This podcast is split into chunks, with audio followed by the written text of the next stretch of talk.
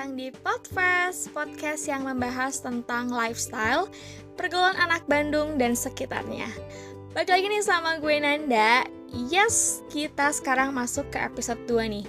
Kira-kira dari judul episode ini aja udah ketebak gak sih kita mau bahas apa di episode sekarang? Nah, by the way, kali ini akan berbeda dari episode sebelumnya. Karena gue akan mengundang sahabat gue sejak SD sampai sekarang kuliah. Jadi, dia adalah saksi kehidupan gue dari zaman kecil sampai zaman sekarang. Semua drama-drama tuh dia pasti tahu lah ya. Dia juga merupakan cewek cantik Bandung ya. Sering disebut Mojang Bandung Cana. Dia juga merupakan salah satu mahasiswi di Universitas Negeri di Bandung. Tuh kan udah cantik, pintar, dan juga good newsnya adalah dia juga jomblo. Jadi buat lo nih yang mungkin lo lihat cover dari podcast ini ada foto dia dan mungkin lo tertarik gitu ya, lo boleh banget langsung DM gue aja ya. Nanti gue kenalin sama dia. Siapa tahu jodoh ya kan, ya kan gak ada yang tahu. Dan By the way, gue akan tanya perspektif dia nih mengenai kehidupan milenial yang sering dibilang konsumtif dan bisa dibilang dia nih jauh lebih bisa mengontrol uang sih dibanding gue. Dan gue akan tanya sih dan gue penasaran banget gimana sih cara dia nabung dan juga saving money. Terus nanya tentang perspektif juga mengenai circle pertemanan ya. Oke, langsung aja kita sambut Gisna Wahyuna Hari. Welcome to Podcast. Tara, halo semuanya. Hai, terima kasih ya udah mau datang ke podcast gue. Mungkin mulai dulu dari perkenalan diri ya, walaupun sebenarnya gue udah hafal banget nih, udah tahu dari SD sampai sekarang, cuma lo harus perkenalkan diri lo sama listeners di rumah. Oke, oke, boleh. Perkenalkan, nama aku Gisna, umurnya 20 tahun, sekarang kesibukannya apa? Lagi kuliah pastinya. Itu aja kali ya. Oke, okay. so she's my best friend since uh, 2007. Ya nggak sih? Dari zaman kicik sampai sekarang. Gak nyangka ya sih, udah berapa drama yang diceritain kayaknya Iya, bisa kan? bermajalah-majalah deh. Dari drama drama cinta sampai kehidupan, lo adalah salah satu yang tahu Aduh, banget tepat bengeknya ya bun. Oke, kenapa sih gue milih lo sebagai narasumber di episode 2 ini? Karena yang pertama ya, karena menurut gue lo tuh punya rasa yang bisa membedakan apa yang lo butuhin dan apa yang lo inginkan gitu. Dan juga menurut gue juga lo tuh orangnya nggak konsumtif dibanding gue. Kayak lo tuh lebih bisa menahan nongkrong nongkrong gitu kan. So give me your opinion about menurut lo apakah semua anak milenial itu konsumtif atau enggak mulai serius nih ya. iya Oke, Betul. mungkin karena pengaruh gaya digital sih ya. Yang sekarang makin maju, yang dulu tuh cuma kayak buat alat komunikasi kayak telepon atau SMS dan lain-lain. Sekarang tuh bahkan eh, gampang banget buat mengakses ke e-commerce dan lain-lain buat beli barang yang kita suka seperti ya baju dan lain-lain makanan pun ada sekarang alat transportasi pun ada. Kayak Gojek atau Grab gitu kan. Mm-mm. belum lagi banyaknya cashback dan Yes. promo-promo lainnya yang Uh, menggiurkan kita semua yang ada di e-commerce itu. Ya. Sih kayaknya ya. Dan kita pun pernah menjadi salah satu korbannya nggak sih? Kayak korban banget cashback korban banget promo gitu loh nah faktor apa sih yang menurut lo yang ngebuat kita kayak terkesan konsumtif banget gitu? Hmm, mungkin faktornya sih yang paling kuat media sosial ya. Karena ngeliat teman-teman di lagi di tempat makan yang tempatnya bagus atau tempat nongkrong baru terus kayaknya pengen ke sana gitu kesannya kayak nggak mau ketinggalan zaman kan Mm. Eh, di zaman kita sekarang ini terus contoh kecilnya kayak teman-teman kita atau selebgram atau influencer lainnya yang uh, insta yang bikin instastory itu lagi di tempat yang bagus, yang estetik gitu kan, yang instagramable, Mm. yang bisa buat foto-foto, Yes. terus uh, nge-instastory tentang makanan atau barang-barang yang bagus-bagus tuh um, membuat kita tertarik buat beli gitu ya, apalagi uh, banyak Yeah. juga yang uh, influencer atau selebgram itu mencantumkan kode promonya tuh Iya, iya nama banget. dia diskon Ha-ha. 20% kan itu juga sih menambah eh, kepromoan makin besar Menggebu gitu ya. iya racun Racun. oke pasti kan pengen tuh eh teman-teman kita eh, ngelihat ngelewat suatu jalan atau suatu toko yang dilihat dari luarnya tuh banyak yang nganter. Itu udah pasti enak kan? Mm-mm. jadinya eh, penasaran gitu. Akhirnya ikut ngantri juga bela-belain jauh jauh ke tempatnya. Bela-belain berjam-jam ngantri buat nyobain makanan itu tuh eh, seenak apa gitu kan. Penasaran gitu terus kan. penasaran. Terus akhirnya kita dari nyoba-coba itu ngelewat toko sana sini ngeliat jajanan yang enak-enak akhirnya kita juga secara otomatis nge-influence temen deket Kita. kita. juga buat beli Mm-mm. makanan itu kan Setuju sih. kebanyakan gitu kan Dan kita pun sering ya saling meracuni satu sama lain kayak apalagi kalau suatu makanan yang enak ataupun suatu produk kayak skincare deh contohnya gitu ya kayak kita paling saling saling meracuni diri sendiri ya gak sih? Iya iya iya bener banget. Dengan secara gratis gitu walaupun gak di endorse. Kayak ini bagus lo harus coba. Pasti kayak gitu kan? Yang penting punya aja. Jadi yang penting kayak kita harus memilih-milih lah ya. Ya harus milih-milih juga harus pintar-pintar memanage uang kali ya. Yap. karena kan tiap bulan itu pasti ada makanan baru lah Mm-mm. tempat nongkrong baru lah dan lain-lainnya kan Oke. Nah, cara nabung Allah tuh gimana sih? Dan kadang lo suka lihat gak sih kayak teman-teman kita tuh kayak banyak banget yang emang usaha sambil nongki gitu ya, sambil usaha kecil-kecilan. Nah, jadi emang gak sekedar nongki biasa aja kan? oke emang eh, kayaknya kebanyakan apa ya di umur kita kayak gini kan ada juga yang udah kerja punya penghasilan sendiri terus mereka bebas mau beli apa aja apa yang mereka pengen mungkin apa yang mereka butuh juga dan mungkin mereka juga eh, ada aja yang berpikiran kalau buat eh, apa ya hubungannya tuh ntar aja deh gitu Mm. kayak bulan depan tuh mereka kerja lagi tuh pasti dapat uang jadi berpikirannya kayak ah nanti juga dapat uang lagi gitu kan Mm-mm. jadinya ya nabungnya di entar-entar lagi ah, eh, kebanyakan sih caranya tuh gagal gitu mereka oke. kayak masih belum bisa buat nabung Mengontrol lah ya, mengontrol keinginan. iya ya mengontrol uangan gitu Mm-mm. dan sebenarnya eh, pemikiran itu sih ya yang harus dihilangkan takutnya amit-amit ada kejadian yang kita nggak prediksi secara tiba-tiba kayak sekarang eh, covid kayak gini Mm-mm. Kasihan juga kalau ada yang yang nggak nggak punya pegangan uang kan jadinya susah gitu ya Mm-mm. banyak yang apa ya banyak yang eh, sekarang tuh kayak di PHK dari kerjanya Yes. dan lain terus penting juga buat yang kuliah ya ini pastinya anak-anak kuliah nih Oke. eh, jangan segampangnya minta uang ke orang tua dan lain-lain Mm. Eh, apalagi di masa pandemi kayak gini kan nyari uang tambah susah lagi Yes, betul. semua orang pasti berusaha buat gimana caranya Survive, ya.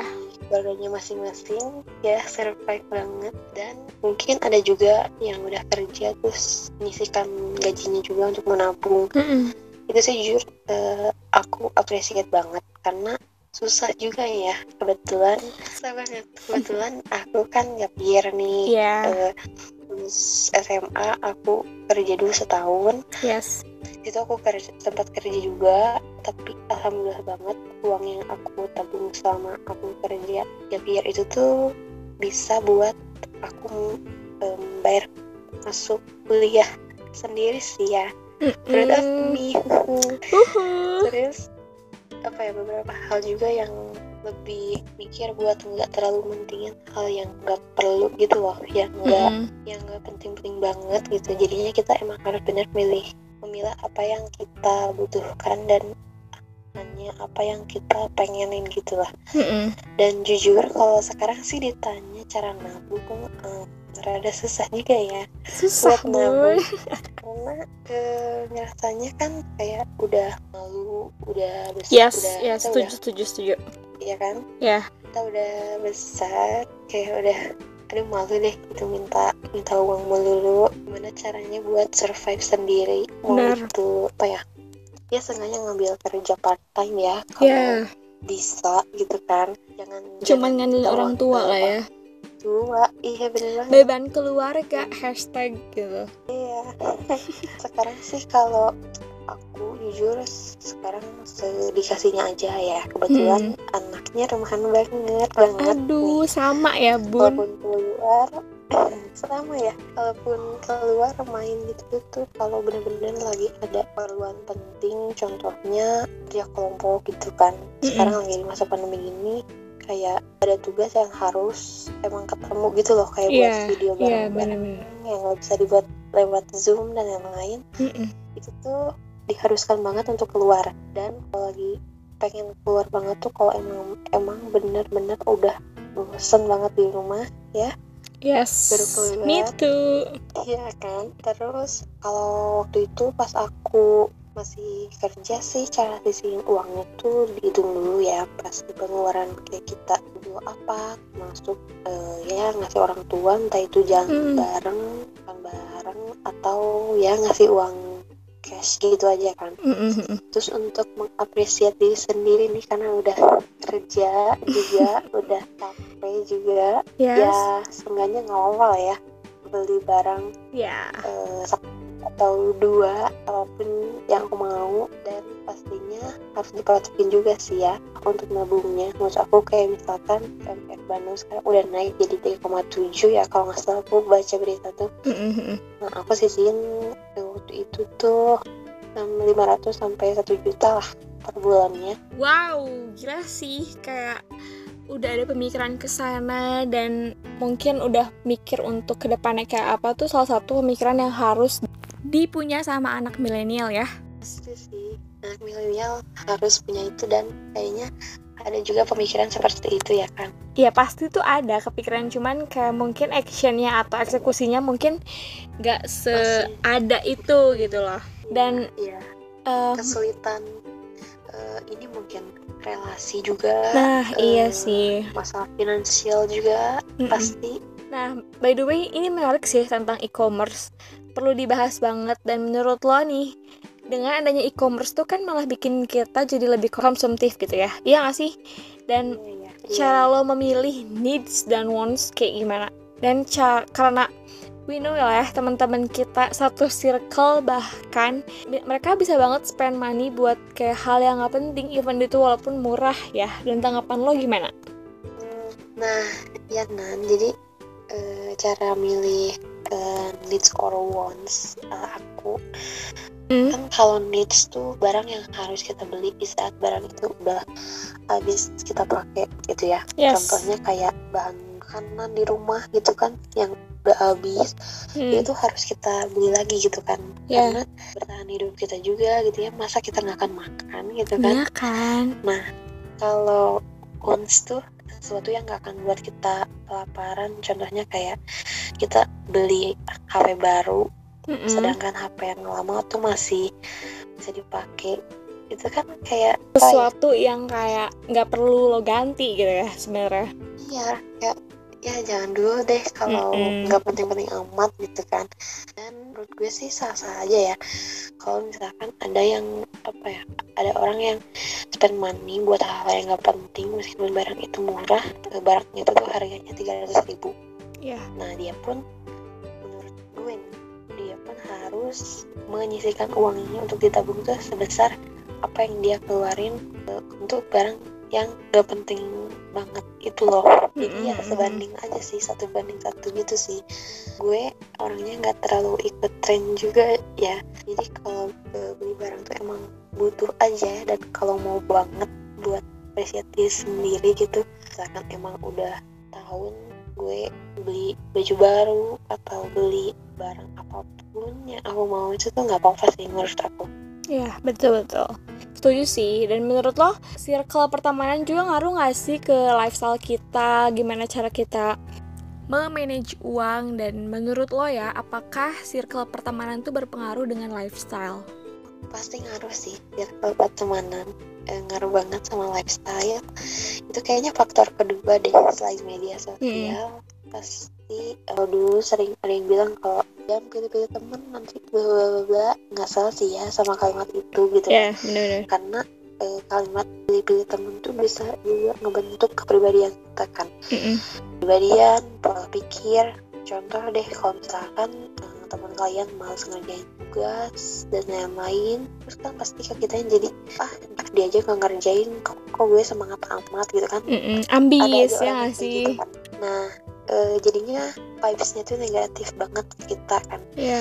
apalagi kalau misalkan eh, orangnya gampang banget terpengaruh gitu kan Mm-mm. tapi selama dia bisa ngambil sisi positifnya pasti akan berpengaruh juga gitu ke lifestyle jadi ya circle pertemanan juga kita harus punya temen yang bisa diajak eh, ke semua situasi aja ya seneng ya sedih ya susah ya ya menerima apa adanya aja lah gitu Mm-mm. baik Setuju atau buruknya dan pastinya bisa bawa kita menjadi eh, apa ya menjadi orang yang lebih bermanfaat buat semua orang gitu lah yang penting Mm-mm. itu penting banget sih Ya sih, setuju banget. Apalagi circle pertemanan tuh bisa seberpengaruh itu gitu ya. Kayak banyak banget peribahasa yang kayak kalau temenan sama tukang jualan parfum tuh lo pasti kebawa wangi, ya gak sih? nah iya benar Kalau lu temenan sama yang emang circle-nya kurang baik ya lo pasti akan terbawa, mau gak mau, ya kan? Ya, iya iya benar Oke, and the last one ya guys. Eh, lo percaya gak sih bahwa generasi kita tuh selalu diprediksi buat gak bisa punya rumah di masa depan? Kalau dengan terus gaya hidup konsumtif, kita tuh akan diprediksi katanya tidak akan punya rumah. Apa lo setuju dengan statement tersebut? oh iya aku pernah dengar juga sih statement itu Ya kan? Nggak salah bulan-bulan kemarin deh kayaknya baca berita kalau misalkan anak milenial tuh di tahun 2021 tuh bakal susah banget buat beli rumah kan maksudnya Mm-mm. Beli rumah, Nah. beli tanah. Oh. ya invest gitu lah ya Mm-mm. diprediksi inflasinya juga akan Mahal. naik kan Uh-uh. iya iya mahal segalanya sedangkan eh, UMR pendapatan kita tuh di situ-situ aja gitu ya. Iya, maksudnya naiknya signifikan tapi ya nggak banyak juga gitu kan. Dia nggak sebanding sama kenaikan harga papan gitu ya Iya. dibilang. Eh, dari hal tersebut aku sih nggak percaya ya. Misalkan milenial di tahun 2021 tuh diprediksi nggak akan bisa punya rumah. Nah, kebanyakan kan sekarang malah anak muda gitu yang lagi berlomba-lomba buat bisnis sendiri kecil-kecilan gitu kan ya kita lihat lingkungan terdekat kita dulu deh ya teman-teman Mm-mm. kita banyak juga yang lagi berintis usaha bisnis kayak makanan kayak dimsum mie kayak cookies dan lain-lain Yap. hijab juga baju juga apalagi kopi banyak banget kan Mm-mm. nah meskipun pasti ada naik turunnya ya namanya bisnis milenial sekarang tuh eh, apa ya semakin inovatif sama kreatif aja sih. Dan mereka juga pasti berusaha untuk tidak menyusahkan orang tuanya gitu kan. Maka dari itu mereka investasi kecil-kecilan lah ya Mm-mm. untuk tabungan eh, dirinya sendiri gitu untuk di masa depan. Dan gak semua anak milenial itu boros sih mentingin gaya hidup. Terus malah sekarang yang aku tahu anak muda itu lagi pada berusaha gimana caranya mereka menghidupi dirinya sendiri tanpa membebankan orang tuanya kan Mm-mm. meskipun em, penghasilannya nggak seberapa tapi kan ya peribahasanya nggak ada usaha yang mengkhianati hasil ya meskipun Yes, usaha setuju. mereka dari kecil-kecilan dan pastinya ada naik turunnya bakal lama banget untuk nah untuk sampai bisa barangnya tuh dikenal orang Mm-mm. banyak brandnya tuh dikenal orang banyak itu kan pasti susah banget ya ya butuh effort yang lebih untuk hal itu Mm-mm. nah jadi kelihatan sih usaha mereka gitu buat berdiri sendiri gitu loh udah memprioritaskan kehidupan mereka di masa mendatang ya dengan cara investasi kecil-kecilan itu nabung sih pastinya mereka juga kan Iya, setuju banget sih. Karena kita pun nggak cuman sekedar nongkrong lah ya. Nggak cuman kayak diem doang foto-foto atau sekedar udah berbeda lah nggak sih kadang? Kayak cara kita berpikir kayak mungkin nongkrong tuh untuk brainstorming karena jenuh dengan keadaan situasi rumah juga kan. Iya. Kayak kumpul-kumpul tuh kayak menjadi ajang relasi juga nggak sih buat kita ketemu orang-orang baru dan mencari partner bisnis Ya, juga kan? sih. Kita ngomongin nih kalau misalkan kita lagi nongkrong gitu Mm-mm.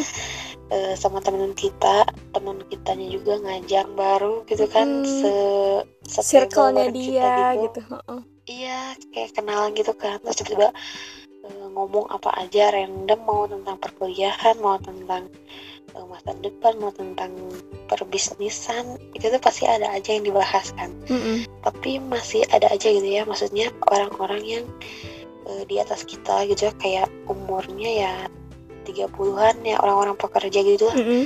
kayak ngeliat anak muda tuh ih ngapain sih nongkrong-nongkrong? gitu kan. Ya mm-mm. Kayak cuma gitu-gitu doang. Padahal tuh nggak gitu-gitu doang gitu. Nggak ya. hahi doang gitu ya. Gitu-gitu doang. Dalamnya tuh enggak sih ya. Eh, jujur kita juga ya nan. Heeh. kayak ngomongin ya kita harus ngapain ya? Survive Iya, diri sendiri tuh itu tuh pasti kepikiran gak sih, gitu kan. kayak ada ide aja gitu yang bikin contoh mereka lagi nongkrong di coffee shop nih kayak kita. Terus kita tuh pasti mikir kita sering ngopi nih kita suka kopi. Kenapa kita nggak bikin aja coffee shop gitu-gitu kan? Yes. Terus kita mikir eh finansialnya gimana relasinya kita harus perbanyak lagi apa emang udah cukup segini aja gitu kan. Mm-mm. itu kan berarti dari hasil nongkrong itu pun yes. eh, jadi bermanfaat gitu. Seenggaknya ada ide dulu aja deh gitu. Mm-mm. buat ngelakuinnya ya kita cukupin dulu finansialnya gitu ya. Yap. nabung dulu itu fungsinya. Nabung dulu dari sekarang. Buat ya intinya sih kita kita juga harus kayak open minded gitu ya. Nggak boleh Yes. kayak nggak boleh kayak oh kita udah cukup aja nih temennya segini doang. Itu nggak nah bisa iya sih. iya Karena iya benar-benar kita pun harus tahu harus tahu pemikiran dunia luar tuh gimana kalau gitu ya. misalkan kita gini gimana? Hmm. iya iya banget sih. Setuju sih guys. Sama statement yang gak cuman hahi doang. Ya gak sih? Kayak karena emang relate Iya. banget juga gitu loh Oke guys, thank you so much for sharing ya. Semoga menginspirasi listeners ya. Dan membuka mata gue sih untuk gak terlalu konsumtif ya. Dan coba membuktikan bahwa Iya. generasi kita tuh bisa sukses, ya gak? Amin ya Allah. Semoga sukses sih ya. Pasti bisa sih anak milenial. Nah, itu dia nih beberapa alasan yang pemikiran kita mengenai kenapa sih milenial tuh sering banget dibilang punya kehidupan yang konsumtif. Faktor-faktornya ternyata banyak banget ya guys, kayak eh, faktor-faktor pendukung kayak kenapa sih kita tuh bisa berperilaku konsumtif gitu. Dan gaya hidup anak muda dan zaman dulu tuh udah beda banget sama zaman orang tua kita. Ya sih kayak dan milenial tuh nggak bisa dibandingin sama generasi zaman orang tua kita gitu ya. Iya. yang mana teknologi juga. Mungkin dulu tuh dunia digital tuh belum kayak sekarang gitu Ya, kayak benar-benar. eh, hebat sekarang gitu. Dunia Mm-mm. digital tuh. Dulu kayaknya cuman bisa teleponan SMS-an doang deh. Ya kamera pun dulu nggak ada kan malah. Mm-mm. dan mungkin sekarang teknologi juga mempermudah semuanya ya. Thank you for Gisna thank you for your time udah mau sharing nih sama pendengar podcast. So inspiring banget. Ya ternyata sahabatku yang satu ini. Amin amin banget ya. Oke sama-sama ya Nanda. Thank you juga for having me podcast. Eh, bangga sih. Aku bangga banget sih. Dan honor juga sih buat aku buat ada di acara sekeren ini kali ini. Kau bagus ya, kayak gimmicknya bagus gitu loh. Oke, dan tentunya banyak banget nih teman-teman yang bisa kita ambil dari podcast episode kali ini ya. Apalagi mungkin ada beberapa pelajaran yang bisa kamu ambil atau mungkin kamu bisa jadi referensi buat ke depannya. So, segitu dulu ya buat episode kali ini. Nanda pamit undur diri. Sorry kalau ada salah-salah kata. Thank you. See you on next episode. Bye. Bye.